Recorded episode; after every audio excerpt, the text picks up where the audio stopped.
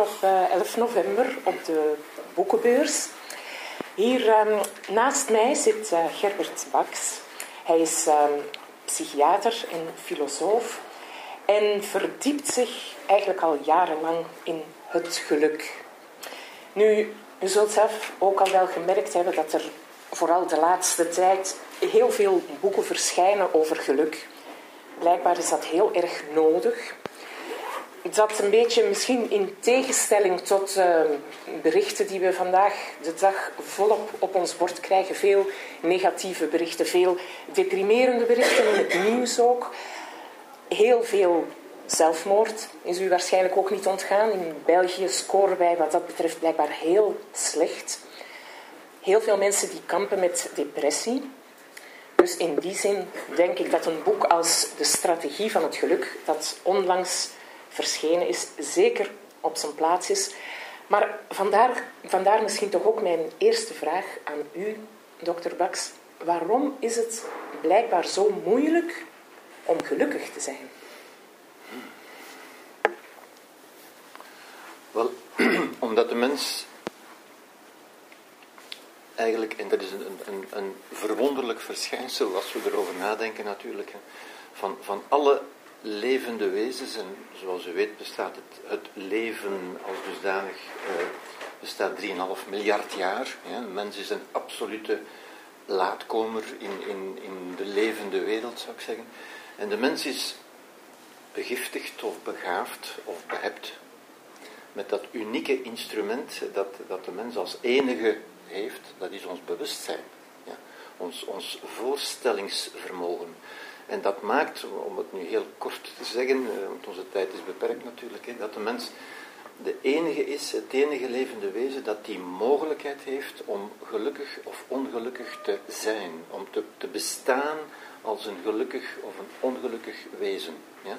Een, een verwonderlijke een wondere mogelijkheid eigenlijk die wij hebben. Ja? En een mogelijkheid die de mens, wij allemaal dus, de mensheid zeg maar, ehm, nog niet helemaal goed heeft leren gebruiken. In feite, hè? want wij komen toch ter wereld zonder een gebruiksaanwijzing, zou ik zeggen. Hè. We moeten het zo een beetje voor onszelf uitzoeken. Hè. Een mens staat zo'n beetje verwonderd te kijken in, die, in de wereld van wat moet ik hiermee doen. Hè. Mens is de enige die eigenlijk niet van nature weet wat hij te doen heeft. Ja? Die daar verwonderd naar kijkt. Wat moet ik doen met die hele wereld, met, die, met al die andere mensen, met relaties enzovoort. Hoe, hoe gaat dat eigenlijk? Ja?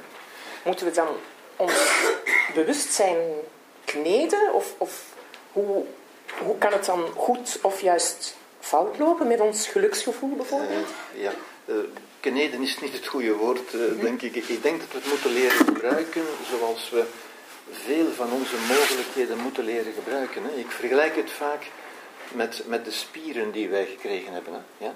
En zoals u natuurlijk weet, u kunt met uw spieren, met dezelfde spieren, kunt u uw buurman vermoorden of u kunt piano spelen. Ja? En dat is ons niet biologisch gegeven wat we daar moeten mee doen. Die spieren wel, dat we die hebben wel. Maar wat we daarmee te doen hebben. Ja? En dat is natuurlijk de, de, wat, waar filosofen al altijd mee bezig zijn geweest, zover we dat weten. Dat wil zeggen 2500 jaar, zo niet 10.000 jaar als we de oudste culturen bekijken. Vinden we dezelfde vraag van hoe moeten wij ons leven leiden? Hoe moeten wij het goede leven Zoals uh, Socrates en Aristoteles zei, wij noemen dat nu het geluk. Hè? Hoe kunnen we dat in ons leven uh, verwezenlijken, tot stand brengen in feite? Ja? Mhm. En dat is de vraag, de, de, de ethische vraag, hè? de vraag naar een ethisch leven. Ethiek gaat eigenlijk daarover. Wat hebben we te doen? Ja? Zoals we ons eigenlijk ook moeten afvragen, wat moet ik met mijn spieren doen? Ik heb hier al die spieren, wat moet ik er nu mee gaan doen? Moet ik nu mijn buurman vermoorden of moet ik nu piano leren spelen? Ja? Mhm. Dus eigenlijk die vraag. Wat moet ik doen met de, met de talenten, met de mogelijkheden die we gekregen hebben? Ja. Ja? ja. Hoe, aan de andere kant, hoe moeten we geluk eigenlijk definiëren? Want misschien is dat iets wat vandaag toch ook een beetje ontaard is. Hebben wij wel het juist beeld van wat, wat gelukkig zijn nu precies is? Ik denk persoonlijk dat we geluk niet, niet kunnen definiëren. Dat wil zeggen, we kunnen daar geen sluitende definitie van geven. in de aard zoals de wetenschap dat doet. Ja? En ons denken is heel erg gecontamineerd, zou ik bijna zeggen, door, door het dominante wetenschappelijke denken. Ja? Maar ik zou ook dat kunnen vergelijken als u mij nu zou vragen, hoe kun je de smaak van een olijf definiëren? Mhm. Ja? Je kunt dat niet definiëren. Ja? Ik kan daar eindeloze filosofische of wetenschappelijke bespiegelingen over geven, maar u zult nooit weten hoe een olijf smaakt tot u het gesmaakt hebt. Mhm. Ja? Dus ik denk, het is een ervaring die we alleen maar kunnen leren smaken. Mhm. Ja? En waar we kunnen op verder bouwen. Maar ik heb in mijn leven nog nooit iemand ontmoet die nog nooit in zijn leven het geluk had geproefd. Mhm. Ja? En als, als iemand het eens een keer geproefd heeft, ja, dan kan men daarop verder bouwen. Ja. Ja? Maar het is iets wat, wat je moet leren proeven, moet leren ervaren. En als u dat ervaren hebt, dan, kunt u gaan, dan kunnen we gaan nadenken, dat is wat filosofen dus ook doen, van hoe kunnen we dat nog meer ervaren? Hoe kan ik in plaats van te wachten, want dat is wat veel mensen doen natuurlijk, hè? wachten en hopen ja, dat het geluk hen zal, zal, zal vinden, hè? dat dat zal voorkomen in hun leven. Hoe kunnen we dat actief leren creëren? En dat is eigenlijk het ja, thema van ja, het dat is eigenlijk dan de, de strategie van het geluk die u hebt uitgewerkt. Mag, mag ik het zo noemen? Hoe, hoe zit die strategie in grote lijnen in elkaar volgens u dan? Ja. Wel, ik vergelijk de, de ervaring van geluk met, met een dans. Hè, zoals je weet, vandaar ook de... staat ook, oh, ik zie dat de cover verdwenen is. Die was daarnet nog uh, zichtbaar daar op het scherm. Ik ga het boek nog eens even laten zien. Het is een hele mooie cover. En daar staat inderdaad een dansend paar op. Ik weet niet of u het allemaal kunt zien. En dat, dat heeft een betekenis uiteraard. Dat heeft, dat heeft natuurlijk een betekenis. Uh, en dat is natuurlijk een beeld. Hè, want om, omdat, precies omdat, zoals je daarnet zei, we het geluk niet kunnen definiëren, moeten we ons behelpen met beelden, hè, met metaforen, met beelden enzovoort. En het beeld waar ik, waar ik nogal, nogal van hou, is het beeld van een dans, inderdaad. Ja? Omdat het verschillende dingen duidelijk maakt en op verschillende dingen een antwoord geeft. Ja? U begrijpt bijvoorbeeld dat als u nu zou zeggen, ik wil graag, uh, ik wil graag tango dansen, ja? Dan moet u niet zitten wachten tot u dat overkomt. Ja? Ziet u? Het beeld, u moet daar niet op wachten. Ja? Het zal ook niet vanzelf komen. Ja? Uh, kunt u dat vinden?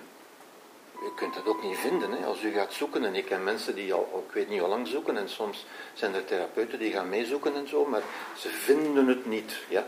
Omdat het niet te vinden is, denk ik. Ja? En dan zijn er mensen die zo een beetje, een beetje verlichter zijn en die zeggen, ah, ik heb het begrepen hoor, ik moet het in mezelf vinden. Ja? Kunt u een tango in uzelf vinden? Ik denk het ook niet. Hè? ziet u, dat beeld geeft antwoord op vele vragen. Als u echt een tango wil leren dansen, ja, dan moet u gewoonweg iemand, uh, iemand zoeken die dat al goed kan. En dan gaat u ernaast staan en u zet die stapjes een beetje met, met hem mee of met haar mee. Ja? En dat is een beetje de strategie. Hè? Mhm. Stap voor stap die stappen leren zetten die tot de ervaring van geluk leiden. Ja? Dat is de strategie. Ja? Dus de strategie zegt ook iets van het is een, een aanleerbaar, stap voor stap te ontwikkelen proces in feite. Maar zegt u nu, je hebt daarvoor iemand, een, een danspartner nodig? Of hoe moeten we die, die danspartner dan, hoe moeten we die ons dan voorstellen? Ja, ik, ik denk dat er uh, niemand is die, we zijn nu met 7 miljard op de aarde, ja, er zijn danspartners genoeg natuurlijk, hè. maar eigenlijk zou ik, uh, zou ik zeggen, um, de enige echte partner, ja, want een concrete partner kunt u natuurlijk nog, nog, nog inruilen, u kunt er een andere kiezen eventueel, hè, maar de enige, de enige echte partner met wie die we niet kunnen inruilen, waar we dus altijd zullen, zullen willens, nillens moeten mee leven, moeten mee dansen, is het leven zelf. ja? Mhm. En eigenlijk zeg ik dus in het boek, uh, maar ik gebruik graag het idee van een concrete relatie, omdat het voor mensen meer invoelbaar is. Ja? En ik, uh, ik zou dan zeggen, de ervaring van geluk, waar ik daar straks naar verwees, ik denk dat de meeste mensen ja, toch kunnen terugdenken naar een moment waarop ze verliefd waren. Mhm. Ja? Of misschien nog zijn zelfs. Hè? Maar als u daarna terugdenkt, als u naar verliefde mensen luistert, ja? hoe spreken die? Hè? Die zeggen, oh het leven is fantastisch, er is een goddelijk wezen in mijn leven gekomen, het is, alles gaat en je loopt op, op wolkjes. En, wel, dat is de, de ervaring waar ik daar straks naar verwees. Hè? Mhm. Als u die ervaring ooit hebt gehad, ja, dan moet u zeggen, ja, die mogelijkheid om die ervaring te hebben zit in mij. Dat kan niet anders. Mhm.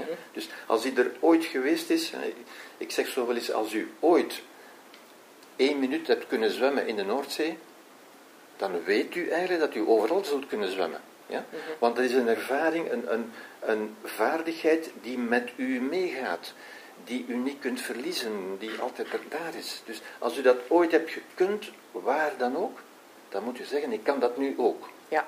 Ja? Je kunt dat als het ware opnieuw oproepen. Die ervaring oproepen en dat kan je dan Ja. helpen. Ja, inderdaad. En dan moet u alleen nog beseffen dat die ervaring iets van u is. Het geluk is iets wat is een manier van zijn die uit uzelf komt, die u kunt creëren. En dat hangt van niemand af. Niemand kan u dat geven, niemand kan u dat ontnemen. U hebt daar niets voor nodig in feite. Ja. In feite, in wezen, kan elk, eh, elkeen, gelijk wie hier nu zit, kan nu op dit moment die gelukservaring in zich laten ontstaan. Ja? En dat is de dans waar ik het over heb in feite. Hè? De dans, met een dans bedoel ik een manier van zijn, een manier van omgaan met de enige partner die we altijd hebben, de, de enige die we ooit zullen krijgen, dat is dit leven, hier en nu. Ja? Ja. Dan begrijpt u ook dat een dans alleen maar. Want mensen zeggen soms, ja, maar het geluk bestaat dat wel en is dat wel van deze wereld en zo verder en zo verder. Ja? Wel, Ik zou zeggen, het bestaan, bestaan is een beetje een filosofisch concept. Hè? Wanneer bestaat iets en wij, zijn, wij denken dat iets bestaat als, als dat een concreet bestaan heeft waar we kunnen naar wijzen, zoals die microfoon hier. Ja? Maar een dans bestaat voor wie hem danst. Als u hem danst, bestaat hij. Als u ophoudt met hem te dansen, dan kunt u zeggen, ja, waar is mijn tango nu? Die is nergens meer. Ja? Ja. Dat, dat bestaat als u het doet bestaan. En het houdt op te bestaan als u ophoudt het te doen bestaan. Ja. ja. Wat u nu zegt, en ik, ik las het ook eh, in het boek, ik moest er ook sterk aan denken toen ik uw boek las. Ik herinner mij een liedje van vroeger, ik denk dat het van een Nederlandse cabaretier was, die zong, zeg maar ja tegen het leven. Ja.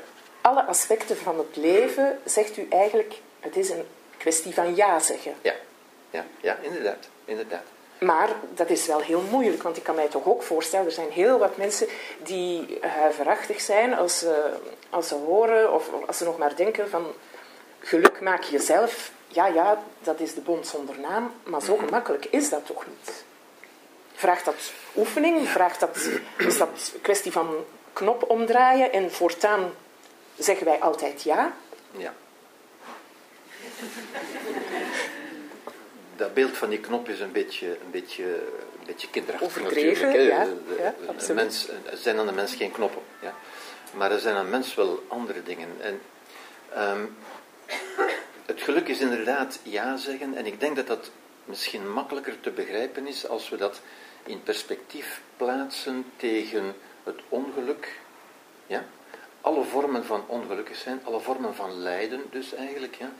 En ik denk nu even aan wat, eh, wat de Boeddha daarover zei. De Boeddha die een grote geluksleraar is natuurlijk. Hè? Ja. En die, die zei dus eigenlijk zijn alle vormen van lijden komen erop neer dat men ofwel iets wil wat er niet is, hè? Ja. ofwel iets niet wil wat er wel is. Ja? Dus dat wil zeggen, alle vormen van lijden komen eigenlijk neer op in conflict zijn met het leven. Ja? Dat wat er is, is niet goed en dat wat ik zou willen, is er niet. Ja? Die, die houding van, van verzet, van oppositie, van het leven geeft mij niet wat ik nodig heb. Ja? Wel, aan de basis daarvan, als je, als je nu kijkt naar van wat voor een houding is dat, dat is de houding van nee. Hè? Nee, ik wil dit niet. Nee, dit is niet goed. Ja? Nu, nee is het woord van de oorlog en is het woord van alle lijden. Alle lijden is terug te voeren op een nee. Nee, dit had niet mogen gebeuren. Nee, dit is niet goed, enzovoort. Ja? Als u dat begrijpt, dat elk, elk lijden komt uit ons verzet. Ja? Want u kunt ook zeggen, niets doet ons lijden. De dingen zijn niet goed en zijn niet slecht. De dingen doen zich gewoon voor zoals ze zich voordoen. Ja? Het zijn wij die er een etiket op plakken van dit is niet goed. Ja? Mhm. Het is ons verzet tegen de dingen wat het lijden is uiteindelijk. Ja. Ja? Wel, als u dat begrijpt, dan begrijpt u natuurlijk ook dat de, de weg daaruit is eigenlijk ja, het, het inzicht, de bewustwording, hè, de verlichting zoals de Boeddha zegt. Hè, als u dat begrijpt, dan kunt u ook zeggen, ja, ik hou op met oorlog voeren, ik hou op met, met verzet. Ja. Mhm. Ik ga het aanvaarden, ja, ik aanvaard wat er is. Ja. Aanvaarden wat er is, is de sleutel tot, tot een gelukkig leven, zou je kunnen Mhm. zeggen. Zoals een, een, een geslaagde relatie met een concrete partner. Wat, wat houdt liefde voor een partner in? Ja, dat houdt toch in dat je die persoon aanvaardt zoals die is. Mhm. Ja? Als je zegt, maar mensen zeggen dat soms van, ja, ik zie je wel graag hoor, maar dit is niet goed en dat is niet goed. En dan zeg je tegen de mensen, maar aanvaard dan dat je die mens niet graag ziet. Ja? Ja. Ja? Dat is het niet graag zien. Graag zien is die mens aanvaarden zoals hij is. Ja? Gelukkig zijn is het leven aanvaarden zoals het is. Mhm. Ja? Maar, zeg ik nu weer, er zullen toch wel heel veel mensen zijn die zeggen van ja, maar als dat of dat, je zou dat eens moeten meemaken. Of, er, er zijn mensen die toch echt wel te maken krijgen met heel erge dingen in hun leven, met rampen.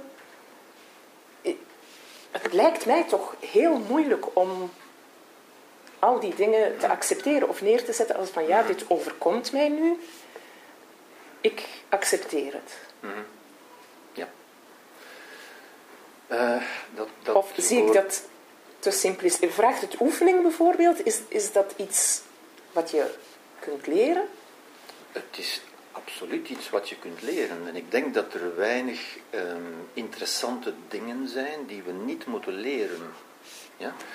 Ehm, en dat woordje moeilijk. eh, ik denk, dingen die u niet kent, lijken altijd moeilijk.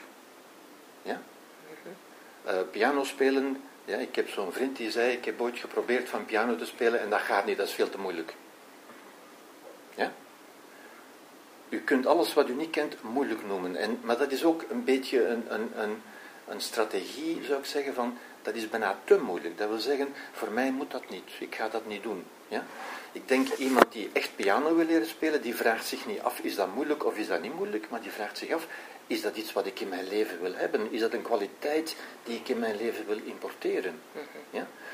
Ik denk, moeilijk en niet moeilijk zijn een beetje kinderachtige begrippen, denk ik. Hè? Tenzij u met uzelf een overeenkomst hebt gesloten dat u alleen maar makkelijke dingen zou doen. Ja? Maar ik denk dat weinige dingen die de moeite waard zijn, vanzelf komen. Ja? Dus het is iets, de vraag is niet, is het moeilijk of is het niet moeilijk? De vraag is, is het waardevol? Is dat een waardevol iets wat ik in mijn leven wil, wil gaan cultiveren? Ja? Zoals tango dansen, of piano spelen, of viool spelen. Ja? Wil ik dat? Helpt het, denkt u, of heeft u daar ervaring mee? Is dit, wordt het toch iets makkelijker bijvoorbeeld voor mensen die al zware tegenslagen achter de rug hebben? Of mensen die al rijper zijn? Of mensen die, ja, die gewoon al een leven geleid hebben?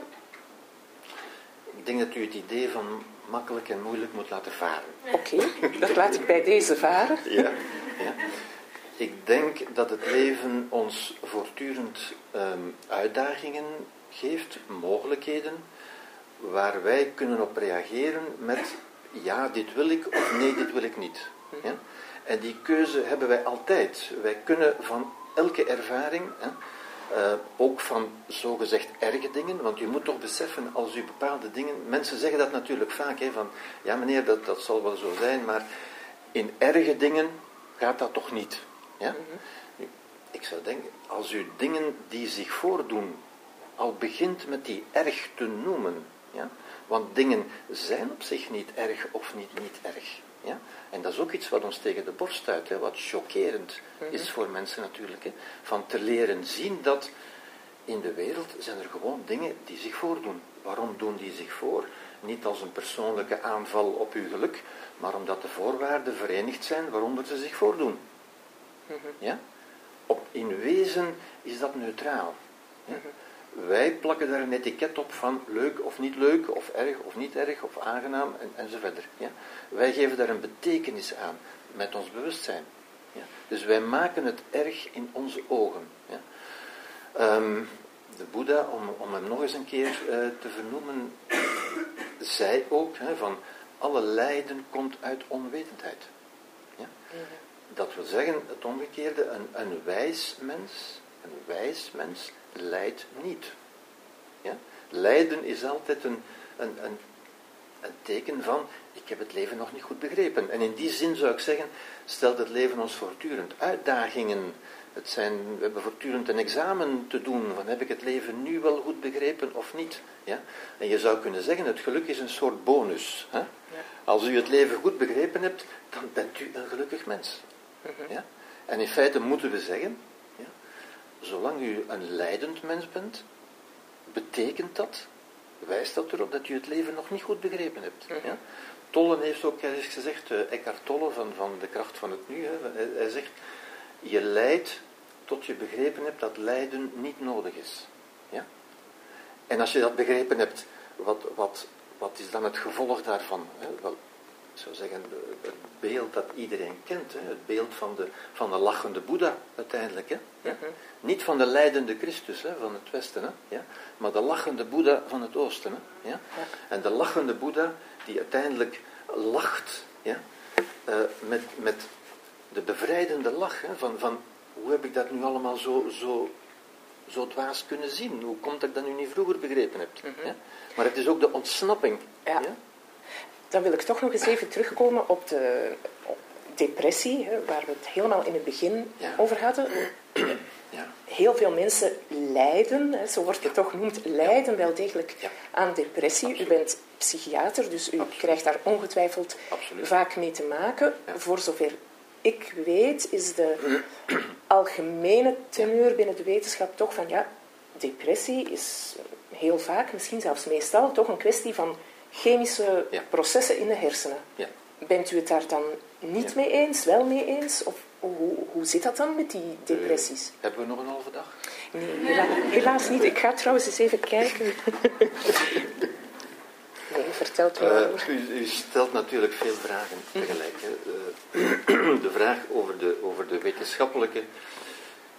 Kijk, ik zou daar heel kort willen willen op, op antwoorden. Hè. Um, en dat is wat ik daar straks eigenlijk ook bedoelde, dat wij zo gecontamineerd zijn door het wetenschappelijke denken. Ik, ik gebruik met opzet die, die een beetje provocerende term natuurlijk. Hè. Um, als u, stel dat u um, naar een, een ballet gaat uh, van, van of van iemand anders, of van Tina Bausch, of maakt niet uit.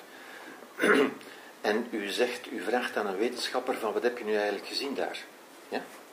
dan zou u zeggen, ah, uh, ik heb daar spiercontracties gezien. Huh? Ja? ja? Ja. Daar zijn twee problemen mee. Ja? Op de eerste plaats heeft hij gelijk. Ja? Want dat is het inderdaad. Ja? Maar op de tweede plaats heeft hij er niets van begrepen. Ja? Ik hoop dat dat voor iedereen een beetje duidelijk is. Hè? Ja? En dat is een beetje het probleem met de wetenschap. Ik ben natuurlijk zelf een wetenschapper en ik heb ongelooflijk respect en bewondering voor wat de wetenschap doet. Maar we moeten toch de beperking van de wetenschap zien. Ja? Um, als een wetenschapper dat ballet op die manier beschrijft, dan heeft hij gelijk, maar dan heeft hij niets begrepen. Net zoals iemand zou zeggen, uh, de Gioconda van, van Da Vinci, ja, ja, ik heb dat wetenschappelijk onderzocht en het blijkt uit wetenschappelijk onderzoek dat dat bestaat uit pigment op een doek. Die heeft overschot van gelijk, hè? hij heeft groot gelijk, maar hij heeft niets begrepen hij heeft niets begrepen van de menselijke ervaring, van de existentiële ervaring van een kunstzinnig gebeuren. Ja? En dat, wil ik heel duidelijk zeggen. De, de, wetenschap verklaart heel veel, maar begrijpt niets. Ja? Als u aan een wetenschapper zegt van, uh, ja weet je, ik ben zo verliefd, uh, zo, dan zal je zeggen, oh, weet je wat het is? Dat is dopamine en phenylalanine en zo verder, zo verder. Ja? ja? Kijk, daar lacht u natuurlijk mee. Ja? En hoor dat daarmee gelachen wordt, natuurlijk. Hè? Want niemand zal zich zijn verliefdheid laten ontnemen door de wetenschap. Door te zeggen, ja meneer, uh, een beetje naïef hoor, dat is uw dopamine en uw phenylalanine. Hè? Dan zeggen mensen, daar heb ik niks mee te maken. Ik ben dat, dat ben ik. Ja? Wij, wij eisen die ervaring voor ons op. Dan zeggen we dat ben ik. Ja? Ik ben verliefd of ik hou van iemand en zo verder. En dat, mijn neurotransmitters interesseert mij niet. Ja? Goed. Maar in het omgekeerde geval, in geval van een depressie, hè, wat zeggen mensen dan? Dan zeggen mensen, oh maar ja, mijn depressie, dat ben ik niet hoor. Ja? Dat zijn mijn neurotransmitters. Ja? Ziet u? Ik bedoel, men maakt dan een selectief gebruik van het concept van neurotransmitters. Hè. Als het leuk is, zeggen ze, nee, nee, dat ben ik. Maar als het niet leuk is, zeggen ze, nee, nee, dat ben ik niet, dat zijn mijn neurotransmitters. En ik slik vlug een pilletje en, en dan raakt het wel opgelost. Ja, inderdaad. Ja. Terwijl dat niet voldoende is. Natuurlijk niet.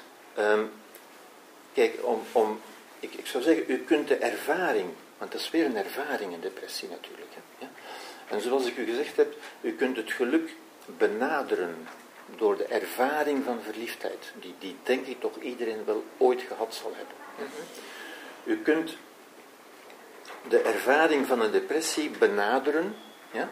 en u, u kunt dat om u heen ook zien, u hoort mensen dat ook zeggen, of u hebt dat zelf al meegemaakt misschien, hè, van mensen die zeggen ja, van mijn partner, ik zie er niks meer in. Het doet mij niks meer. Ik voel niks meer. Ja? En dat wat ik nu zeg, die paar zinnetjes die ik nu zeg, zijn eigenlijk al de, de indicatorzinnetjes, zou je zeggen, de, de sleutelzinnetjes die mensen met een depressie gebruiken. Ja? Want zoals ik gezegd heb, geluk is, is een verliefde relatie met het leven. Zo is depressie een uitgebluste relatie met het leven. Ja? En net zoals er net zo min als er pilletjes bestaan die u verliefd kunnen maken, zijn er pilletjes die u depressie kunnen. Ja? Die u verliefd kunnen maken op het leven en die u dus gelukkig zouden kunnen maken. Ja? Er zijn wel pilletjes, eh, want, antidepressiva doen natuurlijk wel iets, hè, maar de titel is eigenlijk, de benaming is eigenlijk Ehm, de depressie is eigenlijk de, de, de toestand van er niks meer in zien. Ja? Dat zegt mij niks meer. Mijn enige partner, het leven, ja, zegt mij niks meer. Ja? Een, een, een zware, een zwaar lijden uiteindelijk natuurlijk. Hè? Ja? Maar er is geen enkel pilletje dat u, dat u verliefd zou kunnen maken. Ja?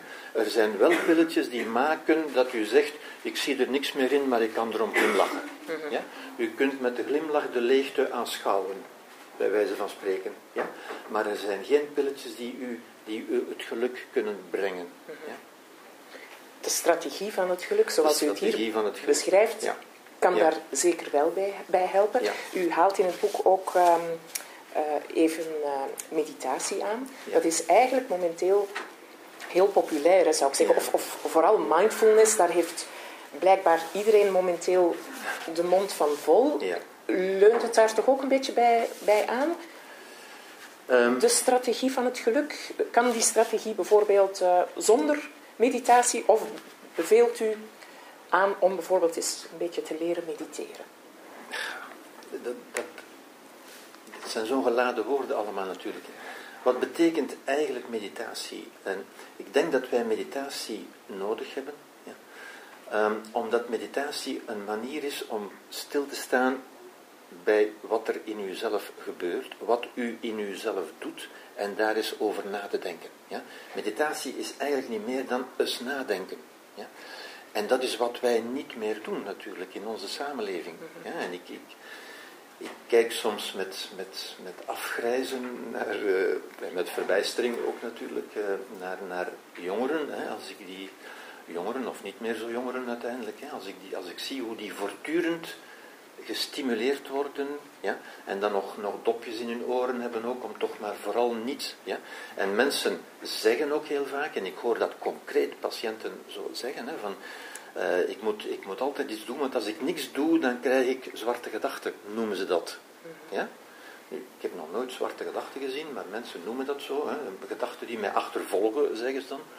Ik heb nog nooit gedachten gezien die mensen achtervolgen, hè, maar, maar goed, ja dat wijst op hun ervaring natuurlijk. Hè.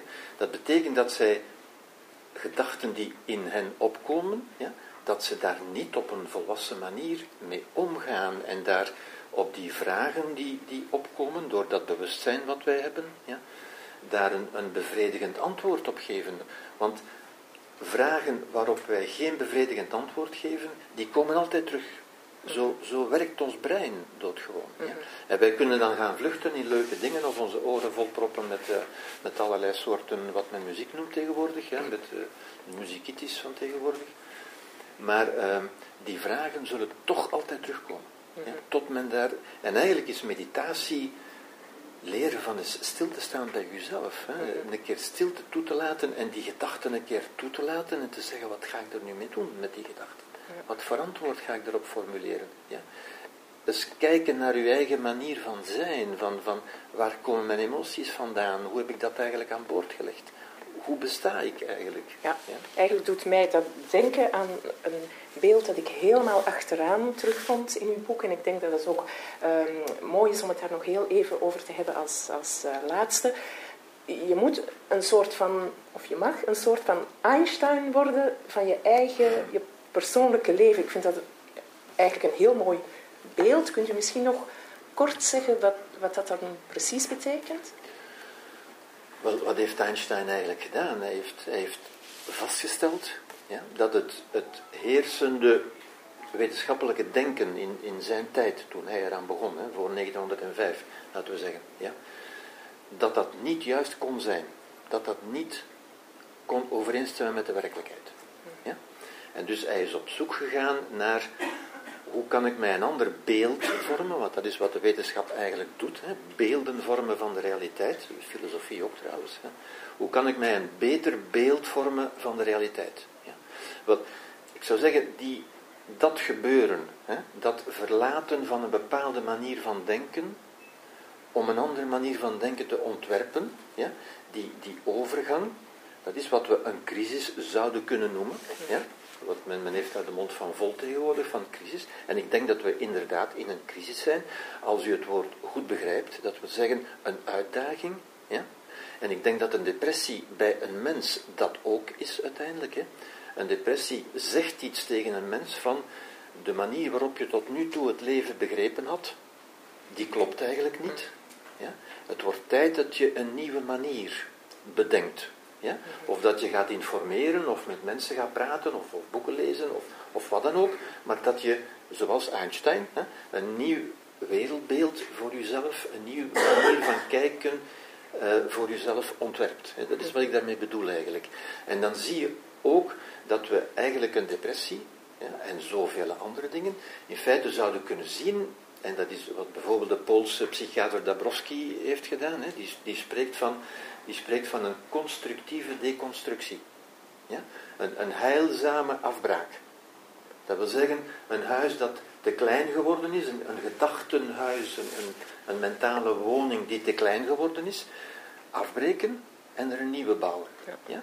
Maar dan gaat u weer zeggen, ja, maar dat is toch niet gemakkelijk en zo. Ja? Tenzij je met jezelf afgesproken hebt dat u alleen gemakkelijke dingen wilt doen. Hè? Dat, is, dat is inderdaad een uitdaging. En ik denk dat wat wij nu in onze tijd bijvoorbeeld missen, ja, is die, die, die zin in zo'n uitdaging. Ja? Want dat soort levensproblemen uiteindelijk, levensuitdagingen, ja, dat zijn geen medische ziekten. Daarvoor moet u niet bij een psychiater gaan, uiteindelijk. Ja? Daarvoor zou u veel beter bij een filosoof gaan. Ja. Of bijvoorbeeld uw boek lezen.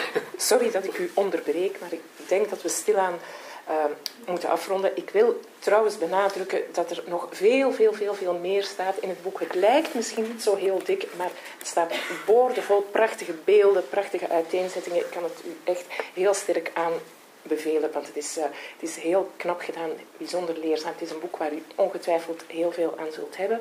Um, ik wil daarbij dan ook graag vermelden dat het verkrijgbaar is bij Witsand Uitgevers. Die zijn hier op de boekenbeurs vertegenwoordigd op stand 227. Dat is in zaal 2. Daar gaat u denk ik um, ook naartoe. Dus ja. eventueel bent u bereid om het te signeren, denk ik. Dan ga ik gewoon nog heel kort misschien eens um, vragen of er mensen zijn die, die kort willen reageren of iets willen vragen. Liefst geen al te persoonlijke uiteenzettingen. Gewoon een reactie mag zeker. Ja, mevrouw?